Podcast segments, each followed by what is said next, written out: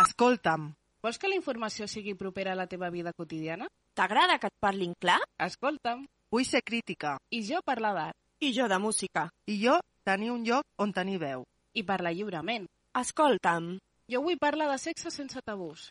Fem un cafè i... Escolta'm. Tots els dijous, de 8 a 9, al teu programa Ràdio Mollà, al 107.8.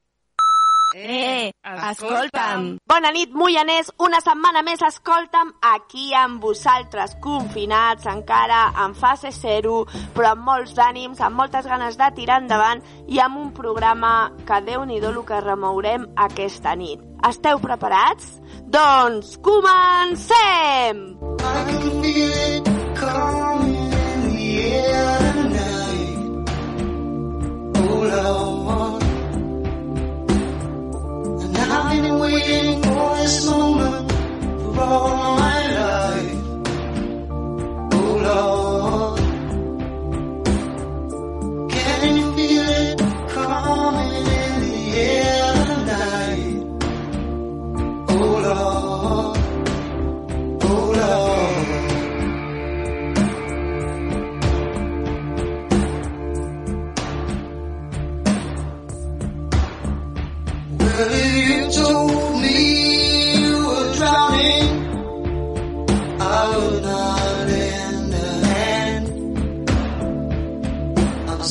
Your face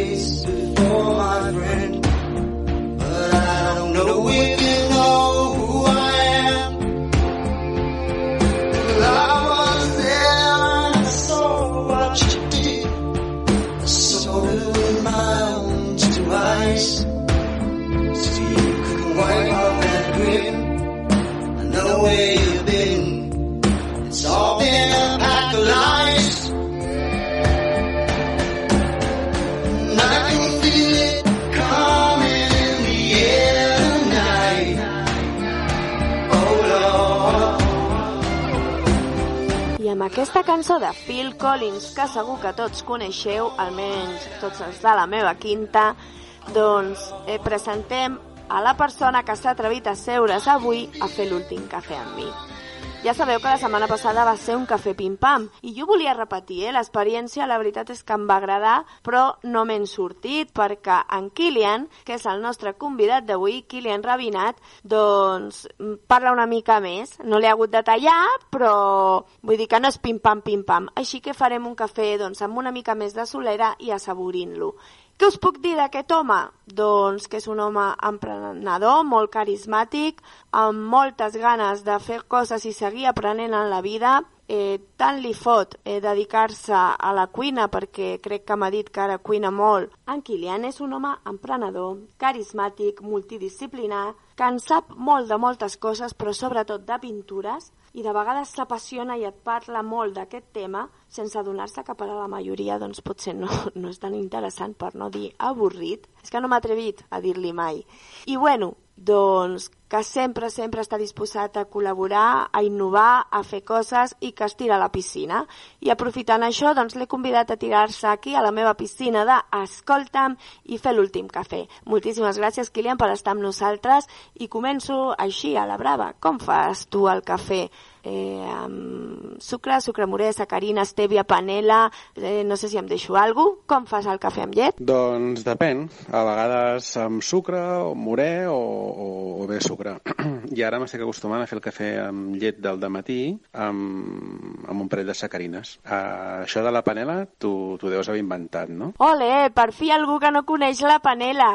És que de veritat, eh, a mi m'ho deia la Igala i jo ni puta idea. I, i bueno, jo ho anava repetint. De fet, em va costar fins i tot en recordar-me del nom, fins que no, fins que he vist que, que existeix i que se suposa, ens ho deia la Sílvia Blanco, se suposa que és el més sa que hi ha ara. Vull dir que la panela existeix. Continuo la pregunta. Quines són les parts del cos que en un primer moment et criden més l'atenció en els demés sent del mateix gènere? En els homes, doncs no ho sé. Eh, no em fixo massa amb les parts del cos. Valoro altres aspectes, eh, com per exemple, no sé, l'estilisme, saps? I amb les dones? En els ulls, sempre, sempre, sempre en els ulls. Els ulls eh, diuen moltíssimes coses, moltes, moltes. I després amb el somriure, importantíssim, molt, molt important. Jo tinc una pregunta curiosa. Per què tens aquest nom? Aquest nom segur que té història. Doncs la veritat és que és una història de la qual me'n sento orgullós, no? Si saps que el teu nom doncs, té una certa història i t'explica una miqueta el, els motius o com es va ser trobat i això, doncs, bueno, doncs això va amb tu i, i és per sempre, és per la vida, no? Resulta que els meus pares eh, sempre els varen dir que esperarien bessonada quan la meva mare va estar en estat de mi. Uh, clar, abans no hi havia les proves que es fan ara i tant és així que uh, la família de la meva mare, que eren de, de, de Puigverd, de Trem, doncs els varen dir que mm, no compressin res perquè portava mala estrogança i, i que es triessin les coses sí, però que no compressin res, no? Aleshores, clar, eh, tenien tot comprat per doble, el doble cotxet, el doble llitet, eh, ho tenien tot, tot, eh, tot reservat, tot, tot, tot escollit. I a l'hora de buscar els noms, doncs, bueno, eh, mm, amb el Santoral Catòlic, que és un llibre de noms, doncs els hi va fer gràcia que per la lletra K només hi havia dos únics noms, eh, i un era Kilian i l'altre era Kenneth, i tots dos eh, d'origen irlandès, no? Kilian és un bisbe irlandès i Kenneth era un abat irlandès, no? Què va passar? Doncs que al final només vaig sortir jo, saps? Uh, tant és així que la meva mare, quan va despertar de la cesària, clar, perquè vaig, vaig fer 5 quilos i pico, o sigui, una, era una bèstia. Eh, la meva mare es pensava que... Eh, bueno, clar, només, només en tenia un al costat i, i preguntava per l'altre, no? Doncs, eh, clar, només vaig sortir jo i aleshores va ser el meu padrí que, que va escollir el, el, nom de, el nom de Kilian. I la història tenés així doncs, que el meu primer fill, que ara té 14 anys, doncs, eh, li van posar Kenneth. I així d'aquesta manera doncs, hem tancat una miqueta el, el, el cercle. No? Eh, una cosa, Kilian, en Kenneth ja en té els 15 anys, de fa molt poc però que ja els ten. Ho dic perquè en els homes no tant, però amb les dones això de la posada de llarg dels 15 mola molt, no? Bueno, és un, un fallo tècnico. Li ho donem per, per bo. Si ara mateix et diguéssim que ets el nou president del govern, què seria el primer que faries? Bueno, doncs eh, se m'acudeixen un munt de coses, la veritat. I segur que cometria errors, eh? Però, però clar, tenint a la, a la difícil situació en la que ens trobem ara, el primer que faria seria intentar aconseguir el màxim de consens polític amb totes les forces i, i ser el màxim de transparent possible a nivell de gestió i d'informació, cosa que pel, pel que sembla no, no està succeint ara, no? Això per un costat. Eh, perquè jo entenc que no, en una situació com aquesta no hi ha d'haver un, una sola bandera d'un partit polític aquí, eh, hem de ser tots a una. Eh? Per altra banda, mm, també anomenaria un, un Consell d'Experts, un Consell d'Experts molt ampli, però en tots els camps, en el camp jo què sé, eh, epidèmic, de gestió hospitalària, en el, en el camp econòmic, en, en el logístic, etc. no? I, i sobre aquests experts seria sobre qui recauria la major part de les decisions sobre el què i el com eh, caldria fer les coses, no? Eh, a banda també eh, eh, s'hauria d'intentar aconseguir involucrar a totes les comunitats autònomes perquè tothom remés en el mateix sentit i, i es donés una idea, una sensació d'unitat, no? Malgrat que cadascuna pot tenir una casuística diferent, però el que no pot ser de cap de les maneres és eh, tenir la sensació de que aquí eh, cadascú va per lliure i que s'està acabant la paciència i que vés a saber això com, com, com acabarà, no? La veritat és que ha pecat d'ingènua, perquè no he fet la pregunta pensant en el Covid, però clar, ens té tan absorbits que és impossible no, no respondre pensant en ell. I bueno, tant de bo, tant de bo la política en aquests moments estés per sobre la política mateixa, no són moments de fer política. Així que no la faré jo i vaig a per la següent pregunta. Kilian, què és el més raro que has tingut a la nevera? Bueno, com a coses rares. Uh, mira, el primer que se'm ve al cap són unes hamburgueses de color verd. Hamburgueses verdes, imagino que vols dir que estaven ja florides o què? Eh, mm, eh. eh, saps què? Pregunta nova. Has fet mai, o millor que ens expliquis, que segur que n'has fet bromes telefòniques? Hosti, si n'he fet de bromes. Moltes, moltes. Soc molt bromista, però, però de bon rotllo, eh? No, no de bromes pesades ni d'això i tal. Uh, a veure, una que recordo que de les moltes que puc haver fet eh, li vaig fer la meva mare quan em vaig fer passar per un venedor d'aquests de, de tarifes de mòbils i, i se'm va córrer parlar-li en argentí i vaig veure que no em va reconèixer clar, vaig anar xerrant-li, la pobra dona anava dient que no, no, esto lo lleva mi marido, lo lleva mi marido, Uh, total, que se li, va acabar, se, se li va acabar la paciència de tan pesat que em, vaig, que em va engegar i em va penjar, saps? O sigui, un far de riure després quan la vaig tornar a trucar. va ser, va ser un, un cachondeo, sí, sí. Em sembla increïble que la teva mare no et reconegués. Pobra dona. A qui detestaries veure sense roba? Ostres, uh, quina pregunteta. Uf, uh, pues no sé, no, no se m'acut ningú. En sèrio? Doncs quina sort, eh? perquè jo hi ha persones i cossos que només d'imaginar-me els nus, em, ui, és que em fa, em fa mal la panxa, unes coses uh, arcades i... Uh, en fin. Ai, eh, amb això del Covid, com t'has reinventat?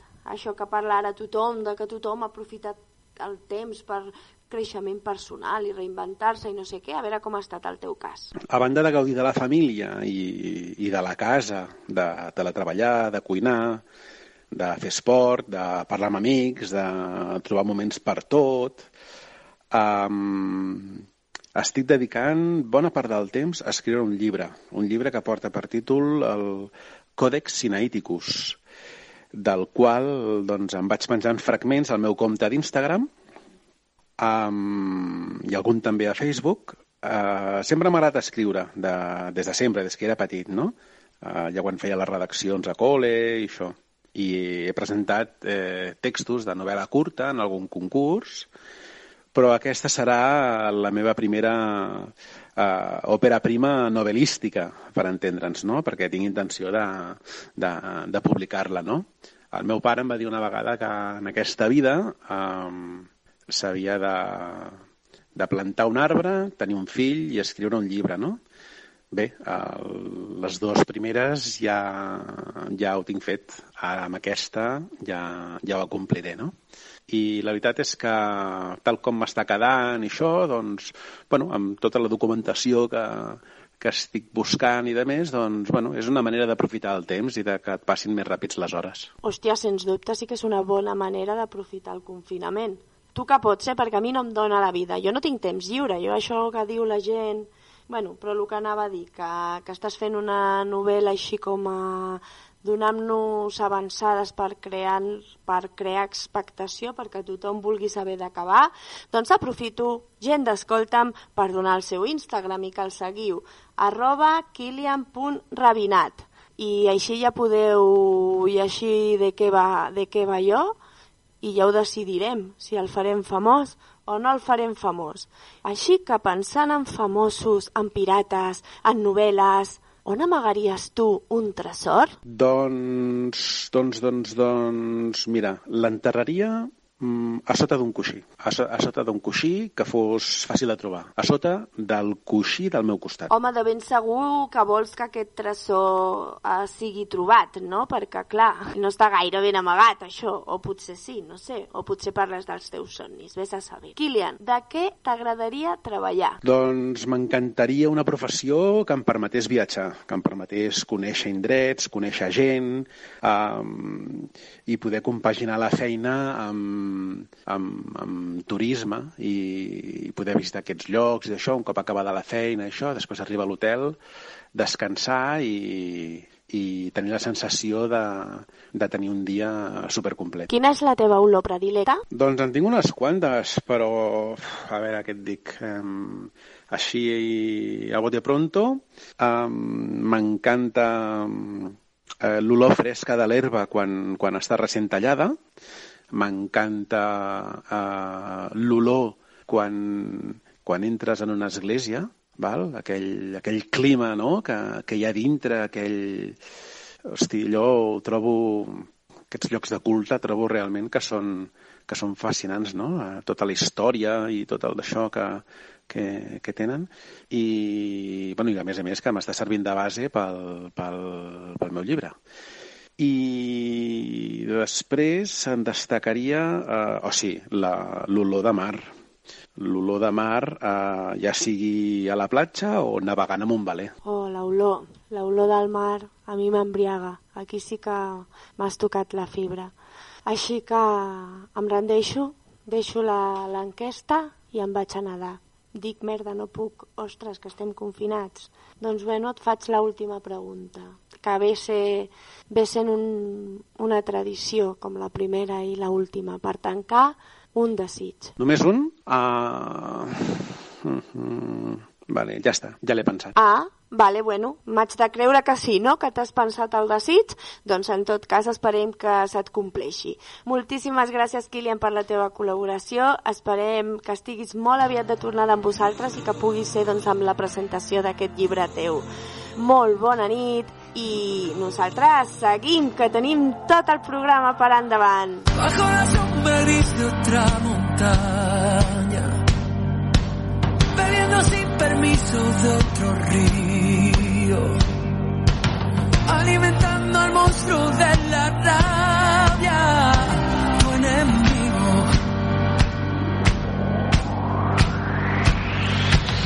Que viene a tu país a profanar, que pisa la ciudad sin tu permiso, que sacará tus cosas de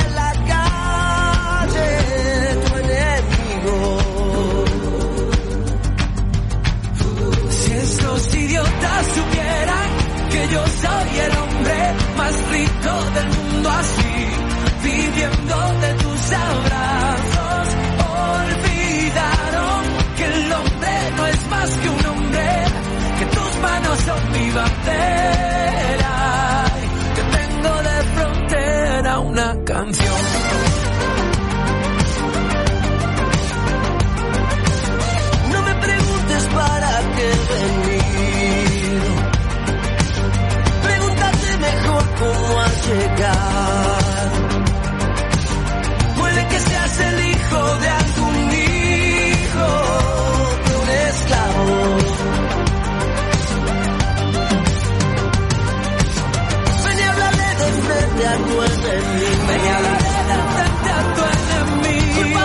amor, y del amor, y de vivir en el camino.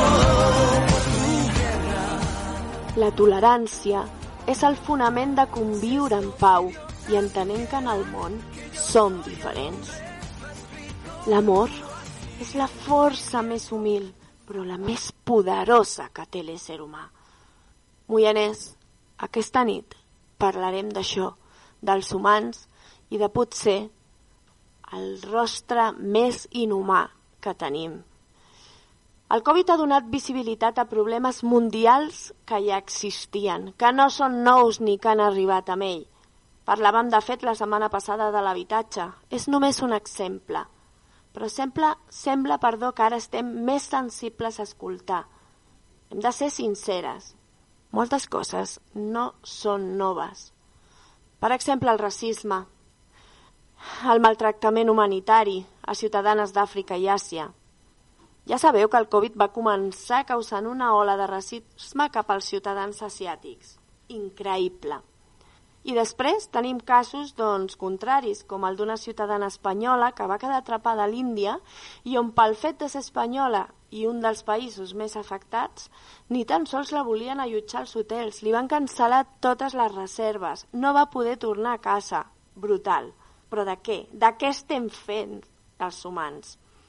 I ara, a sobre moltes es posen les mans al cap quan comencen les denúncies doncs, pel fet que les farmacèutiques eh, amb les presses per tenir una vacuna que sembla que això doncs, és la solució a tots els problemes, doncs promouen les proves a l'Àfrica. Ei, ni tan panxos, eh? Però que no, que no, Moianès, que això no és pas nou. I volem parlar d'això perquè no és un problema nou. Malgrat potser us sembli, donat que el Covid ha fet d'altaveu, però la poca vergonya dels laboratoris farmacèutics no és pas cap novetat. Fa anys, molts anys, que trets pels baixos costos i els controls més permissius en el continent veí, van començar a utilitzar-ho com a cap de proves dels seus productes, sense garantir cap tipus de seguretat cap a les persones. Què va passar? Doncs accidents, seqüeles, morts, ei, morts de persones, de nens. Així van anar succeint i no passava res. Europa no es movia. Ells sí, cada país doncs, es defensava com podia. Països com Nigèria, Camerún, Camboya van decidir suspendre aquesta mena de massacre o d'assassinat, m'atreviria a dir. Un cas. Sabeu que el 2001, 2001, fa 19 anys, 30 famílies de Nigèria es van unir contra un laboratori farmacèutic, en aquest cas Pfizer, que en un estava, estava fent un estudi contra la meningitis, van fer un munt de proves en les que van morir 11 nens i molts, molts altres que no van morir van tenir seqüeles cerebrals i motrius. D'això molta gent no en sap res, però sí. I sí, què fa Europa? Doncs poca cosa. Qui es queixa? Les associacions d'afrodescendents i militants d'organitzacions que reivindiquen doncs, que tot això es prohibeixi.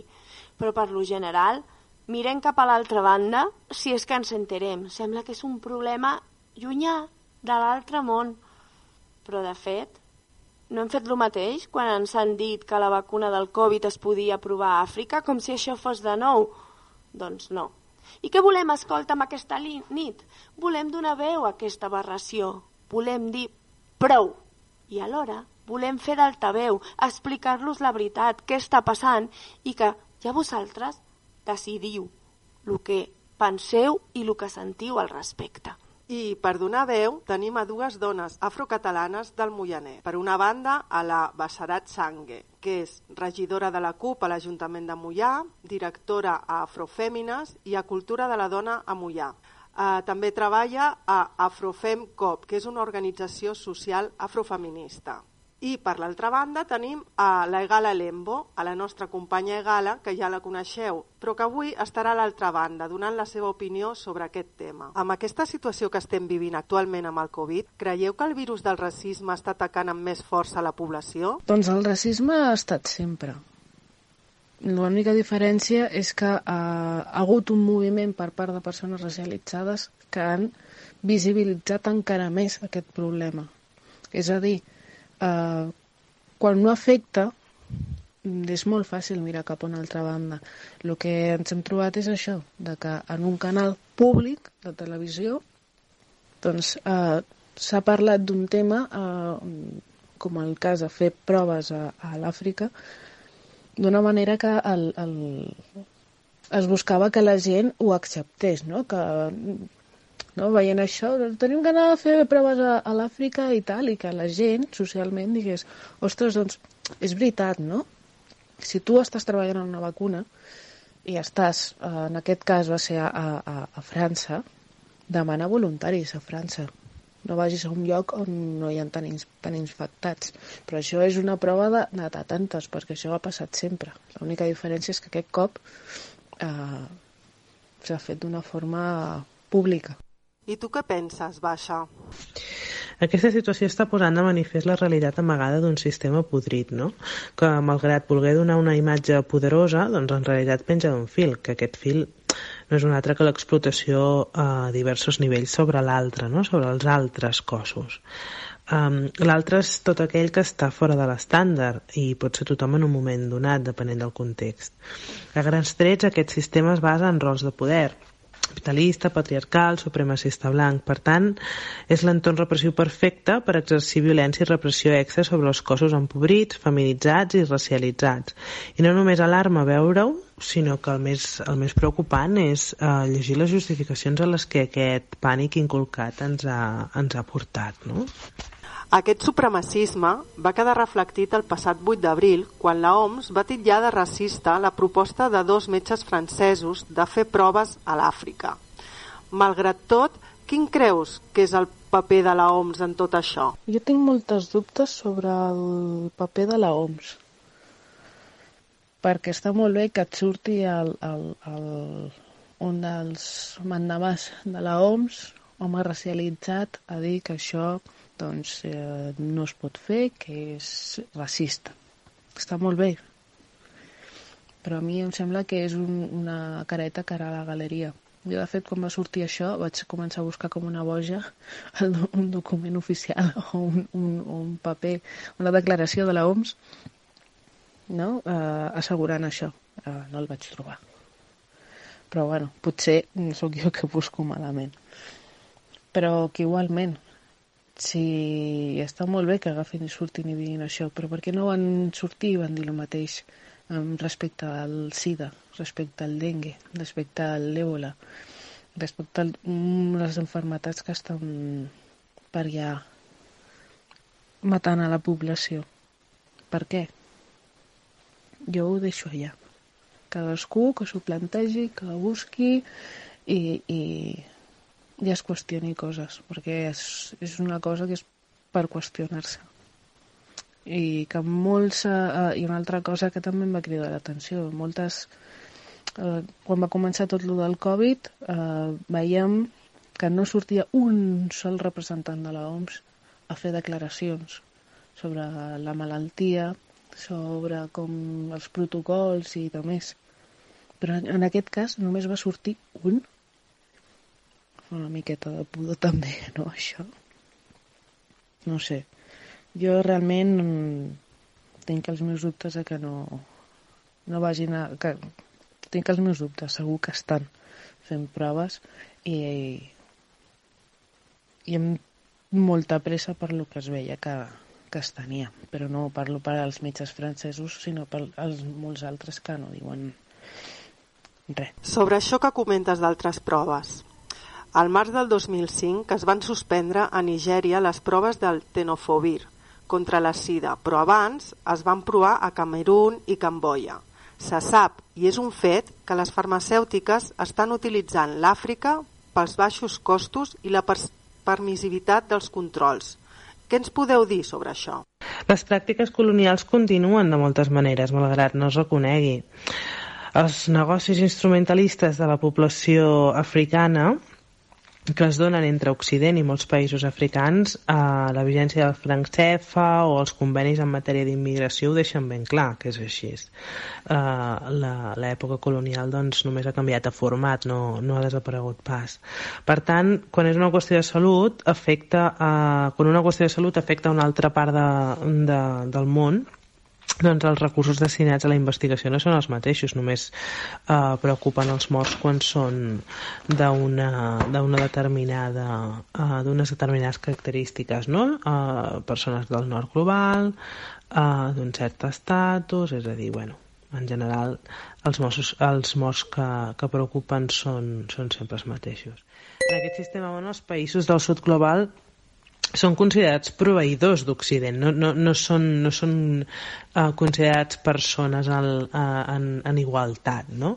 Per tant, uh, és una visió absolutament instru instrumentalista. Per tant, en el cas de les farmacèutiques no és diferent, és així amb els recursos naturals de, de tota mena i, i amb, el, i amb, el, amb els eh, negocis que, que comentàvem abans, no? sobre, sobre precisament pues, les matèries primeres que fan que, que la maquinària d'Occident doncs, pugui, pugui mantenir-se. No? Per tant, en el camp farmacèutic no hi ha, no hi ha cap diferència. Totalment d'acord, Baixa. Jo la veritat és que a mi em sorprèn, no? perquè al final els medicaments que s'experimenten a Àfrica haurien de respondre doncs, a, les, a les necessitats d'aquell continent, perquè també hi ha una part en la que està molt bé, no? Si fan proves amb monos està molt bé que les facin en humans, però al sistema immunològic eh, hi ha una sèrie de condicionants que van amb, amb, la, amb la part més racial o, o no sé si és... no vull que ara em tildeu a mi de racista, però sí que crec que haurien correspondre a criteris específics doncs, en funció de la seva futura aplicació, de que siguin eficaços, inocus al producte i tenint en compte doncs, a, que el control farmacològic sigui també molt local, perquè no és el mateix. Vull dir, al final el medicament ha de ser simple, simple tant en l'ús com en el benefici, crec jo, i, i també ha d'afavorir la distribució i l'adhesió del, del pacient al tractament. Llavors, això és el que realment pal·liaria el sistema sanitari. I de lo que estem parlant és que això no li importa a ningú, ni tan sols a la farmacèutica, vull dir, el que li importa és una cosa molt més eh, eh, comercial, vendre i que sigui producte. I que sigui un producte necessari per tothom, que això pugui fer-los guanyar diners. És que el meu punt de vista és eh, potser una mica més, més aquest Llavors, des d'aquí és des de on es permet l'explotació als països, dic als països del sud, és que al final és als països més pobres, la majoria sí són Àfrica, però també parlàvem de Camboi al principi, i aquí és Àsia, amb total independència de, dels fruits que pugui donar la investigació clínica i a partir d'aquí alguna cosa s'està fent malament. Però clar, no es pot parlar d'això perquè el poder que tenen les farmacèutiques eh, tapen la boca de tothom. Vull dir que el problema és de diners. Tinc a la Cristina aquí donant-me la mà perquè me rebaixi una mica perquè és que m'exalto. Llavors, Baixa, no sé, no sé com veus tu aquesta aplicació aquí al món local, a, a la Europa occidental, de, de realment això que, que esteu vivint vosaltres, suposo que amb una indignació encara més forta. Les eines de l'amo no destruiran la casa de l'amo, això està clar. Hem de propiciar i forçar la flexibilitat del marc que tenim fins que tombi em deia en Serrat, no? si tothom vas, si tothom t'hi vas fort per aquí, jo t'hi fort per allà, però cadascú des de, des de l'espai que habita no? i les relacions que té pot generar aquesta espurna en d'altres i, i permetre que, les, que, que aquella espurna eh, també, també es creï un mateix per part dels altres.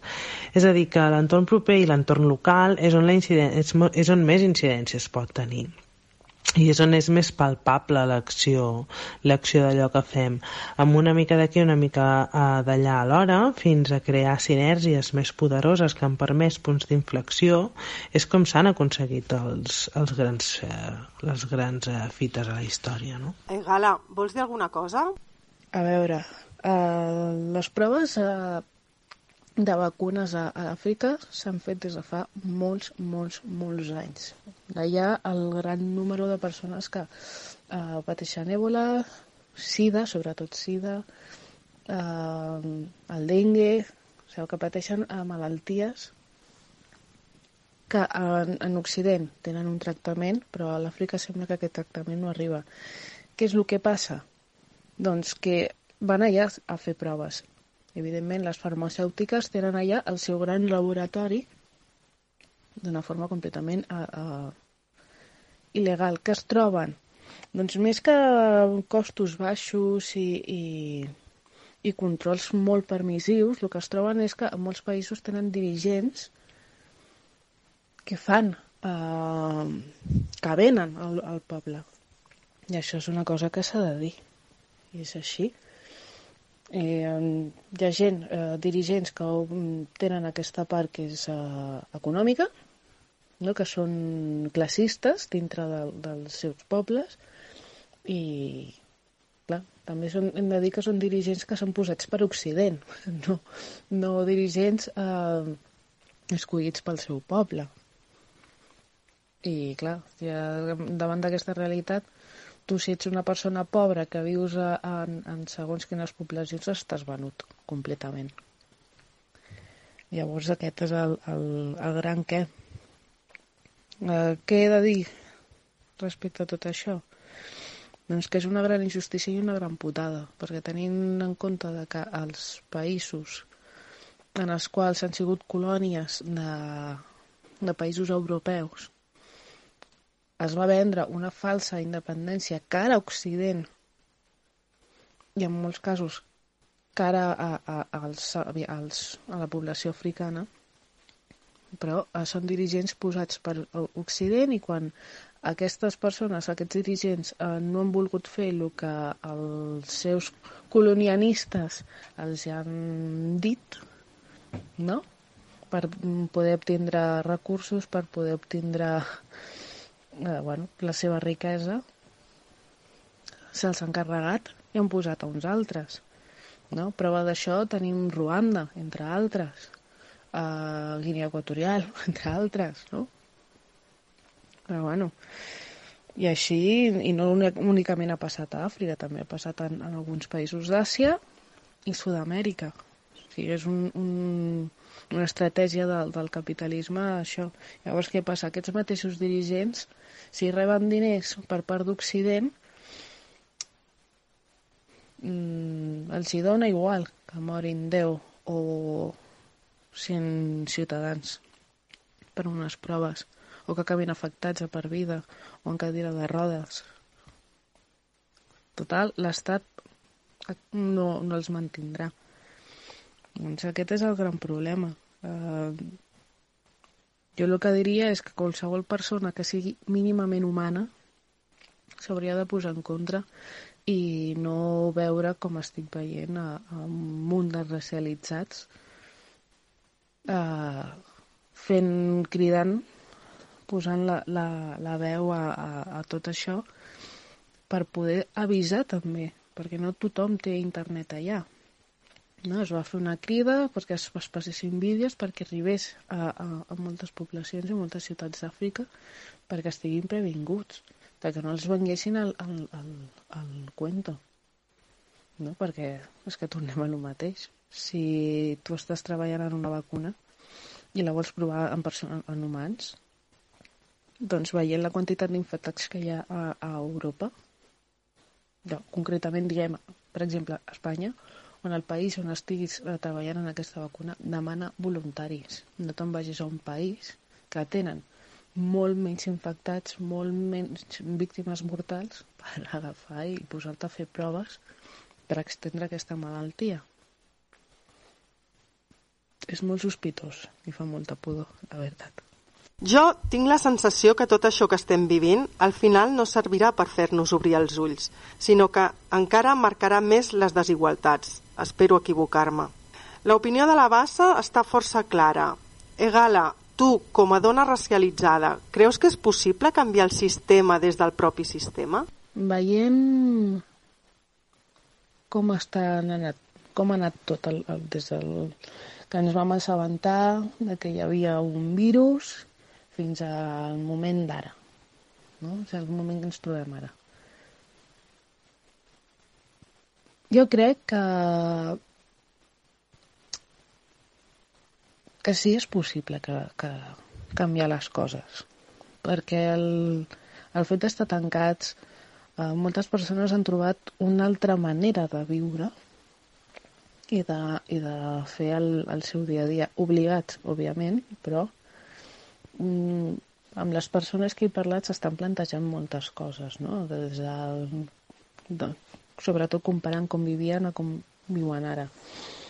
Els canvis es poden fer, però els canvis es poden fer des de, des de la població, no des dels que governen ni, ni, ni els països. O sigui, no, com, no per les persones que governen, no per al govern perquè està clar que els, els que governen sí, són humans, però tampoc o sigui, tenen, posen per davant els seus interessos abans que l'interès col·lectiu. En molts casos. No m'atreviria a dir en tots, però en molts casos. Llavors, eh, el, canvi es pot fer des de la mateixa població. Treure aquesta part molt més humana, treure eh, eh, no posar en valor les, les coses importants en, en la vida i que estem veient i experimentant.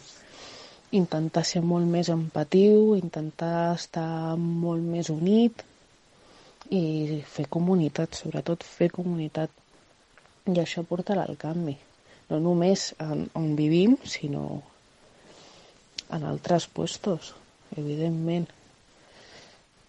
Mm, Jo crec que també, tal com estem veient, el tema de l'economia, com ho estan enfrontant i tal, és, una, és un, un clar exemple de que el, el sistema en el qual estem vivint es- s'està intentant reinventar, però és, que és caduc.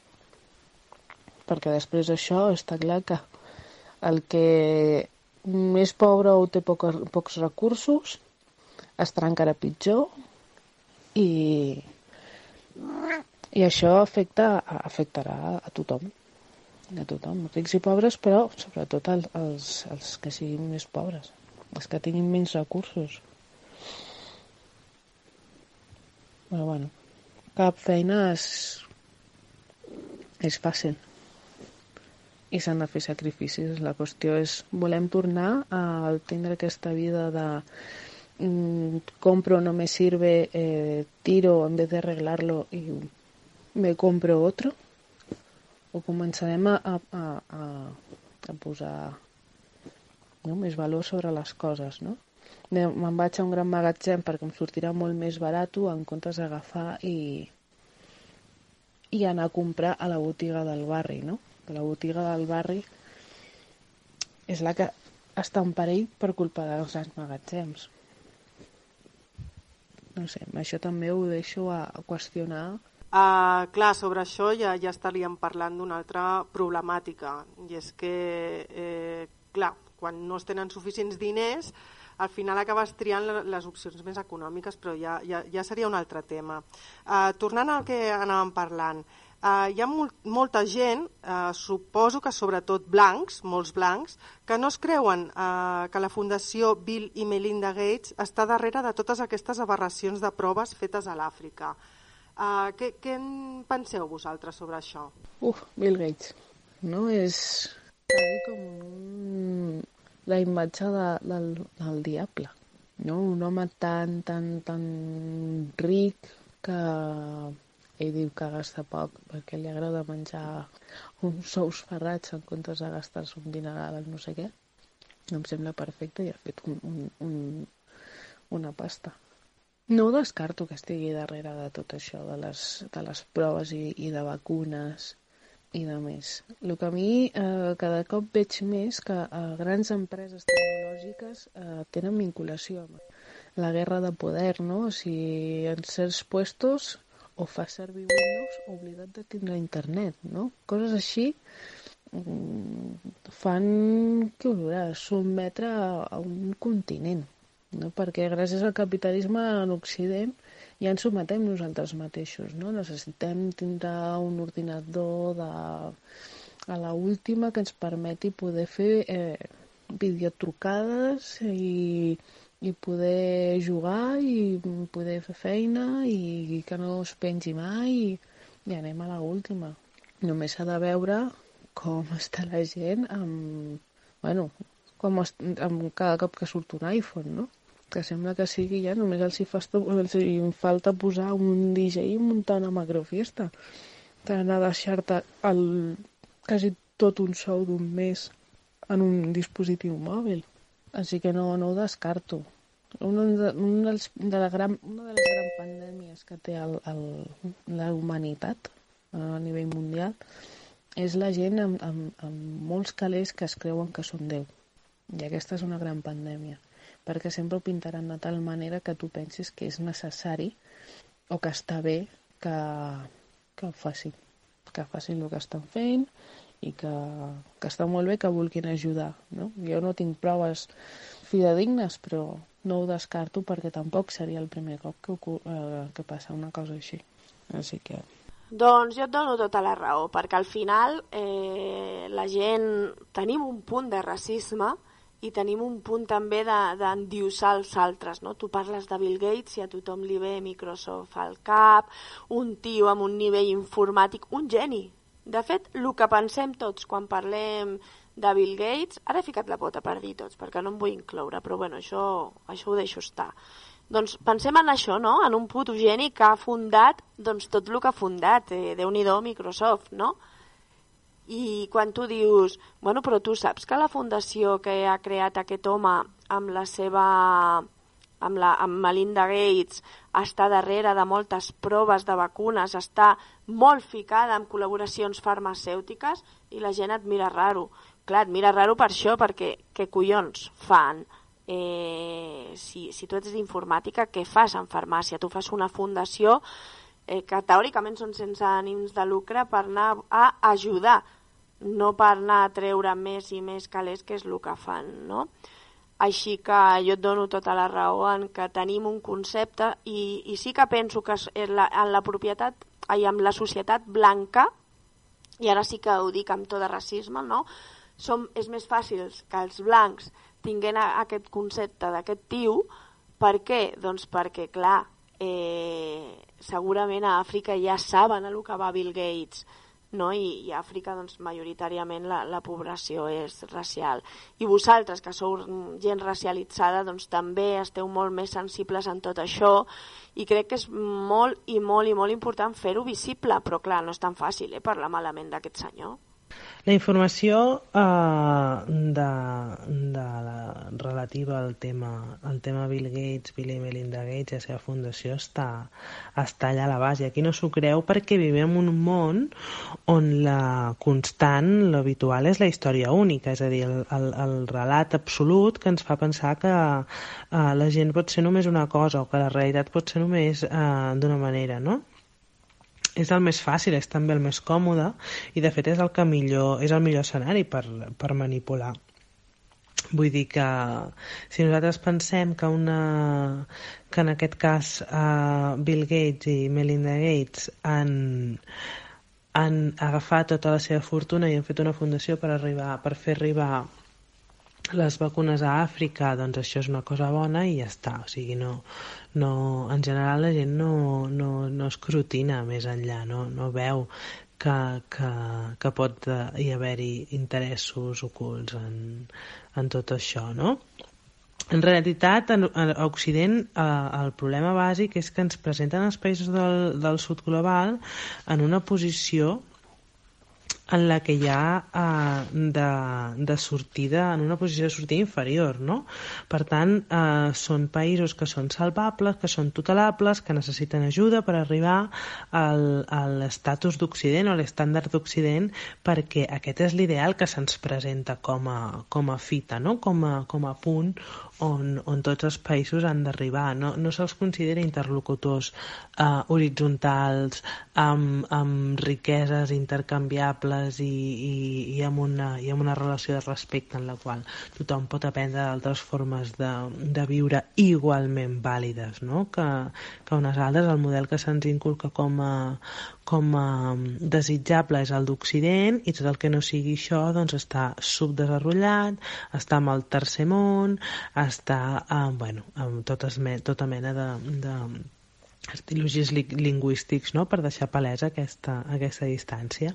Llavors, què passa? Que si Bill i Melinda Gates fan una fundació per ajudar a, a que, a que a, a, a la població d'un país pugui arribar amb uns nivells eh, de X, en aquest cas, de protecció sanitària, eh, és una bona cosa i eh, és una bona cosa perquè ajuden aquestes persones a tenir coses que per si soles no poden. O sigui, el relat, el relat és, és uh, constant en aquest sentit. Per què? Perquè són tutelables, són salvables, és infantilitzar uh, qualsevol alteritat en aquest, en aquest sentit procedent de, de països del sud global. No? Llavors, amb aquesta suposada bona intenció, tot és justificable per aconseguir els, uh, el, els fins que es proposin. És increïble perquè la superioritat moral amb la que Occident mira a Àfrica, en aquest cas, està tan arraigada en l'ADN occidental que eh, passen coses com la de les proves de vacunació no? i encara hem de sentir justificacions eh, peregrines eh, en, aquest, en aquest abús i instrumentalització i infantilització de, de les persones que, que viuen al continent africà. No?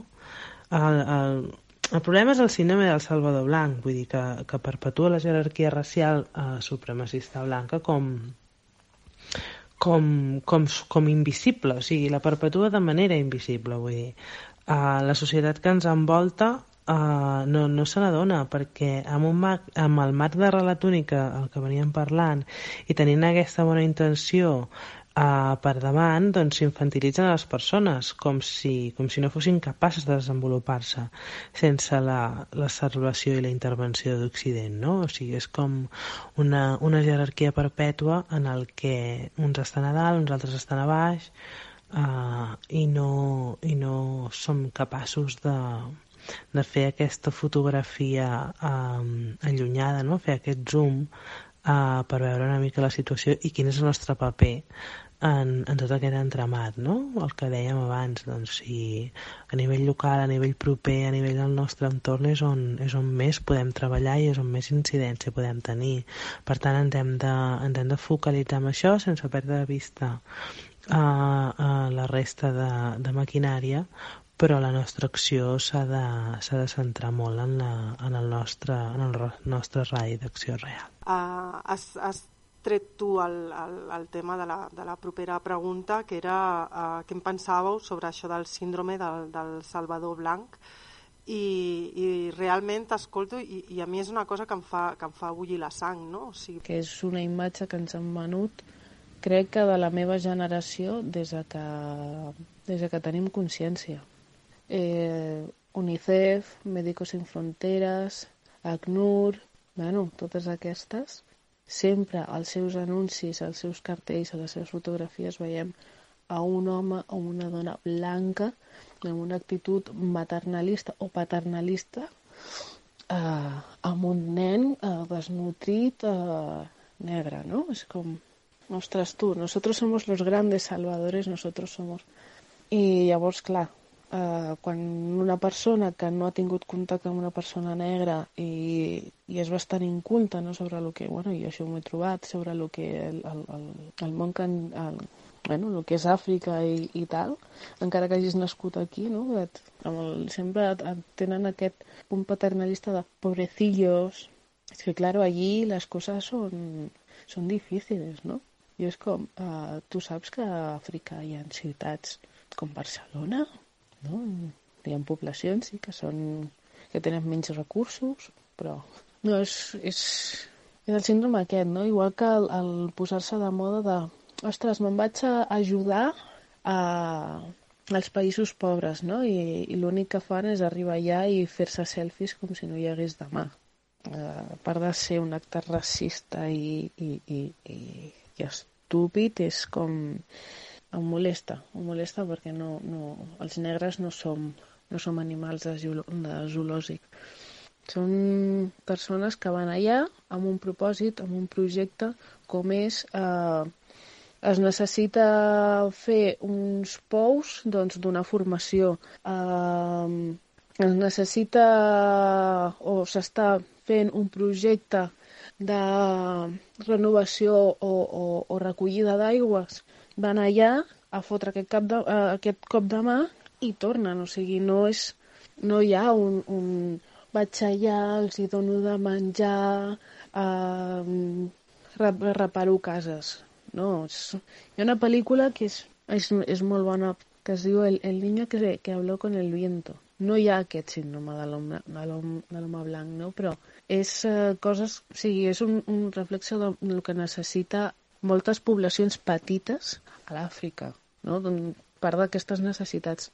Necessiten formació, o sigui, és que realment, eh, més que necessitar a un blanc que ens doni o que doni 5 euros, un euro al dia o 30 euros al mes perquè puguin menjar cada dia, això no és una ajuda perquè així no, no, no acabaràs amb el que està passant. O sigui, amb, amb el tema de la fam no acabaràs. El que necessiten és sistemes de conreu necessiten educació, hòstia. Necessiten tindre o, o poder accedir a una, a una bona educació.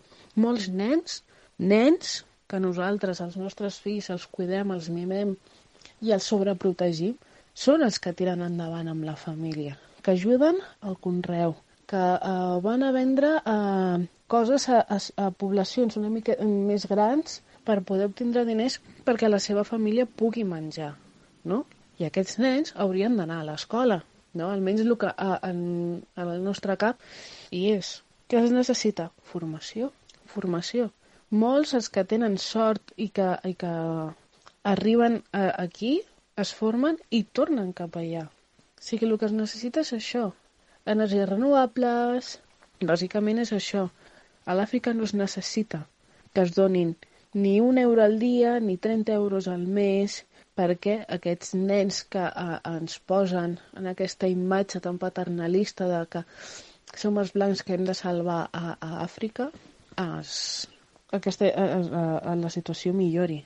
Siguem sincers, Àfrica està com està per culpa d'Europa, d'Occident, que a dia d'avui encara s'està fent amb els recursos d'aquest continent per fer-se més rica, perquè ja amb l'esclavitud ja no poden fer-se més rics. Comencem a plantejar-nos les coses i a dir-les tal com són. El que es necessita és que Occident, de lo que, de lo que et treu d'Àfrica, pagui a Àfrica el que es mereix, i no una merda, perquè puguin viure. Això és un, una part. Per una altra part, que, aquests, eh, que aquestes famílies no es vegin obligades a no portar els fills a l'escola perquè no puguin tindre una formació, perquè necessiten de la mà d'obra dels seus fills per poder eh, subsistir. Això no és just. O qualsevol pare o mare ho faria? El seu fill de 7, 8, 9, 12 anys no, ves a, no vagis a l'escola i posa a treballar perquè si no avui no mengem? Quants pares que estan, es, es estan sentint ho farien? Doncs és això, formació. Jo recomano molt que a, aquesta pel·lícula, que és un cas real, a més, El niño que domó el viento, la, la podeu treure a, a, la podeu veure a Netflix. I és aquesta pel·lícula que parla d'un nen que per salvar el seu poble eh, es forma sense tindre en, en, en, en coneixement, sense tindre l'edat acadèmica, no? que aquí, per fer comparació, ja ho aconsegueix. Jo la trobo molt bonica. I a Filmin en trobareu molt sobre el tema de les vacunes i sobre, el, i sobre aquest tema també. Bueno, no m'enrotllo més i ja està. M'estan dient que se'ns acaba el temps. Moltíssimes gràcies a Gala per, per posar-te a l'altra banda. Moltíssimes gràcies, Baixa. Creiem que la vostra col·laboració és essencial perquè al final eh, sou vosaltres qui coneixeu més el tema. Eh, jo només puc dir que, que em sembla indignant que cada cop són més les empreses farmacèutiques que organitzen el, eh, les seves proves, els seus assajos clínics en països en vies de desenvolupament i que ho fan sense un codi ètic perquè de fet no hi ha, i és important dir-ho, no hi ha, un, hi ha, hi ha una cosa que es diuen les de Nuremberg però no es respecta una ètica i molt menys es té en compte la seguretat del pacient eh, no sempre hi ha consentiment de les persones, ni informació, ni control terapèutic, eh, així que amb això hem de dir que el benefici tant pel, pel malalt com per la població en general és escàs. Qui surt beneficiada surt, són les farmacèutiques. Dir també que a França van haver-hi uns casos d'un antisèptic, parlo de l'any 1955, que va causar la mort de 102 persones. Eh, després eh, es van diagnosticar més de 12.000 fetopaties entre el 57 i el 1962. Vull dir que no parlem... Eh, sembla que fa molt d'això i les conseqüències van ser molt, molt greu. No?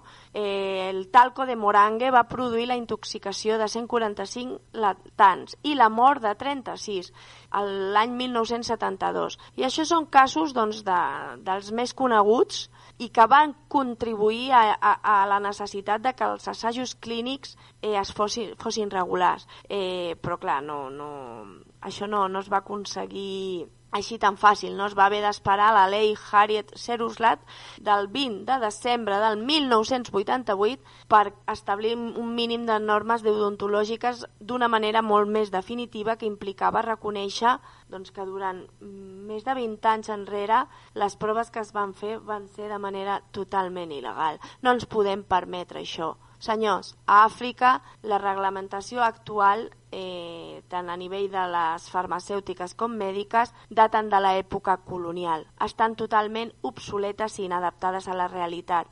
Amb això, doncs, els, el risc és molt alt molt greu i d'això s'estan aprofitant els laboratoris i per això cada cop més opten per realitzar les seves proves en aquest continent. A, a, a més, a més, a més de que el cost és 5 vegades inferior a el que pot ser en un país desenvolupat. Hem de lluitar perquè això acabi. I amb això marxo, marxem. Bona nit, Moianès. Què, què? Cristina, què? Doncs bé, Moianès, uh, fins aquí el programa d'avui i com que fa molt de temps que no us avancem de què anirà el proper programa, avui sí que us ho direm. Parlarem sobre els memes. Tot això que està sortint ara uh, arrel, Em mola! arrel, arrel del, del Covid, no? Busquem també la, la part còmica de tot això i riem una miqueta i, i bé, fins la setmana que ve.